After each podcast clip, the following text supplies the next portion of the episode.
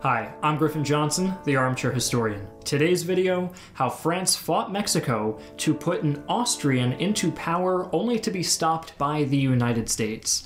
I promise it'll all make sense soon. I'm very pleased to announce that today's video is sponsored by the Great Courses Plus. More on that later. The Franco Mexican War might seem like somewhat of a strange conflict, but you might be surprised to find out that this wasn't the first time that France and Mexico went to war, and in the same century, too. The one we're covering today is the second of these conflicts, typically referred to as the Second French Intervention in Mexico. Unfortunately, we don't have a witty sobriquet to refer to it as, like the Pastry War, which was what the first intervention came to be known as. But funny nicknames aside, today we'll be discussing the prelude, course, and aftermath of the war that would be the beginning of the end for Napoleon III's imperial ambitions. Between 1857 and 1861, Mexico was embroiled in a civil war, fought between the conservatives, who espoused the Catholic Church and the central government, and the liberals, who espoused democracy and equality. The conflict began after the conservatives, who were unhappy with the results of the election and the reforms being instituted, rose up in revolt against the liberals. In 1861, the liberals won the war, with Benito Juarez being recognized as president and bringing an end to the bloodshed in Mexico forever.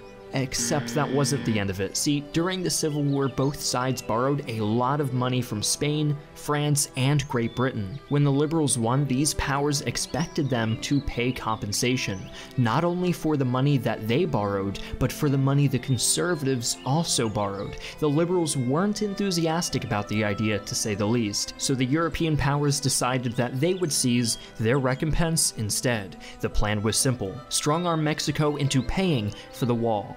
Wait, that's not right. Strong arm Mexico into paying for the war. But Napoleon III had other plans. After all, he had a lot to live up to. His intention was not to simply collect debts, but to take over all of Mexico. And to do that, he would need a monarch who would serve as his puppet. That's precisely where Archduke Maximilian comes in, a Habsburg who had been approached by Mexican monarchists before and could claim to be the rightful ruler of the now defunct territory in New Spain.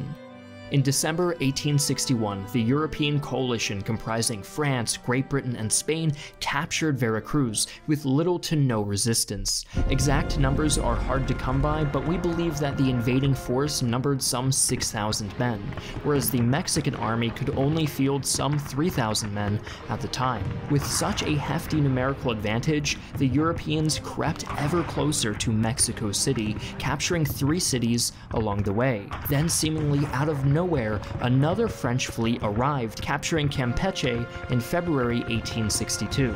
That cleared the way for an entirely new French army to land in April under the command of General Charles de Lorencez. This army came not to collect debt, but to begin the conquest of the country. Napoleon III had thereby revealed his hand, and the British and Spanish decided that they would have none of it. I mean, did you really expect that the French and British would be able to work together? By the end of the month, only French troops remained on Mexican soil. France had to secure its precarious position while reinforcements were shipped across the Atlantic, so it concluded a ceasefire with Mexico. But Lorencez had other plans. He initiated a series of skirmishes, after which he laid siege to the city of Puebla the Mexican general Zaragoza had about 4,500 men at his disposal, stationed in a well fortified position on two hills just northeast of the city. General de Lorencez had 6,000 men. He immediately ordered a headlong attack against Puebla from the north, which was repelled. De Lorencez then attacked again, bolstering his numbers by committing his reserves and orchestrating a diversionary attack on the eastern part of the city. Both attacks were initially more successful than the first, but they were repelled all the same. Nevertheless, De Lorencez ordered a third attack, an ill-fated one as his artillery was out of ammunition. It was a complete disaster. Now it was Zaragoza's turn. It's the climactic counterattack you've been waiting for, with the French being attacked on both flanks simultaneously by the Mexican cavalry and charged head on by the infantry. The festival of Cinco de Mayo is actually meant to celebrate this victory, not Mexican independence. But the war was not won yet. On the eastern coast of Mexico, the French expanded their foothold until the end of 1862. When Zaragoza died, the French returned to Puebla under a different general, Elie Frederick Forey. He was in less of a hurry to take it, and in March 1863 he besieged the city with 26,000 men. After a grueling two-month siege, the defenders, despite several relief efforts and sortie attempts, were forced to surrender in May 1863. The road to Mexico City now lay open to the French. In May, Juarez and the Mexican government took flight from the capital and made for Chihuahua. One week later, on June 7, 1863, French troops stormed Mexico City. The second phase of the French conquest of Mexico had now begun, installing Maximilian and keeping him in power. To convince him to take the crown, Napoleon provided him with results from a rigged election. He accepted the crown in October of that same year and began working on a series of progressive reforms, making the country more open to democracy, abolishing a Mexican form of serfdom, ending child labor, and even limiting work hours. Mexican conservatives lent him tepid support. French and Imperial Mexican forces remained victorious on the battlefield until the end of 1865, taking a number of cities and asserting control over Sinaloa and Jalisco. Their advance stalled thereafter, and in 1866, Juarez's Republican forces made a startlingly fast comeback armed with American dollars and weapons. Up to that point, Americans had been busy fighting the bloodiest war in their history, but now that the United States were united once more, they were more than willing to enforce the Monroe Doctrine and thereby defend their southern border from European imperialists. Napoleon III was prudent enough to begin withdrawing troops, deciding that Mexico was not worth the damage to Franco American relations. By the end of 1866, Maximilian had been abandoned.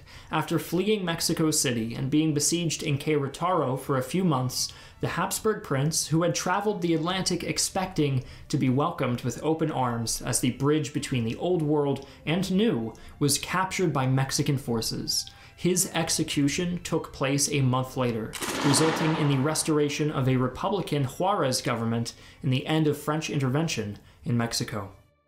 If you want to learn more about the Franco Mexican War, then I highly recommend you watch an episode called Napoleon III An Evaluation from Professor Robert Weiner's lecture series, The Long 19th Century, on the site of today's sponsor, The Great Courses Plus. The Great Courses Plus is a subscription on demand learning service with some of the best lectures and courses from top Ivy League professors. By subscribing, you will gain access to a massive library with over 11,000 video lectures about any major academic subject, like history, science, math, literature, music, philosophy, and more. The Long 19th Century is without a doubt one of my favorite lecture series. If you want a comprehensive history of the 19th century, this course is the one for you, encompassing a grand total of 36 episodes. One of my first popular videos was actually made possible because of one of Weiner's lectures dedicated to the Crimean War. We invite you to start your free trial at The Great Courses Plus today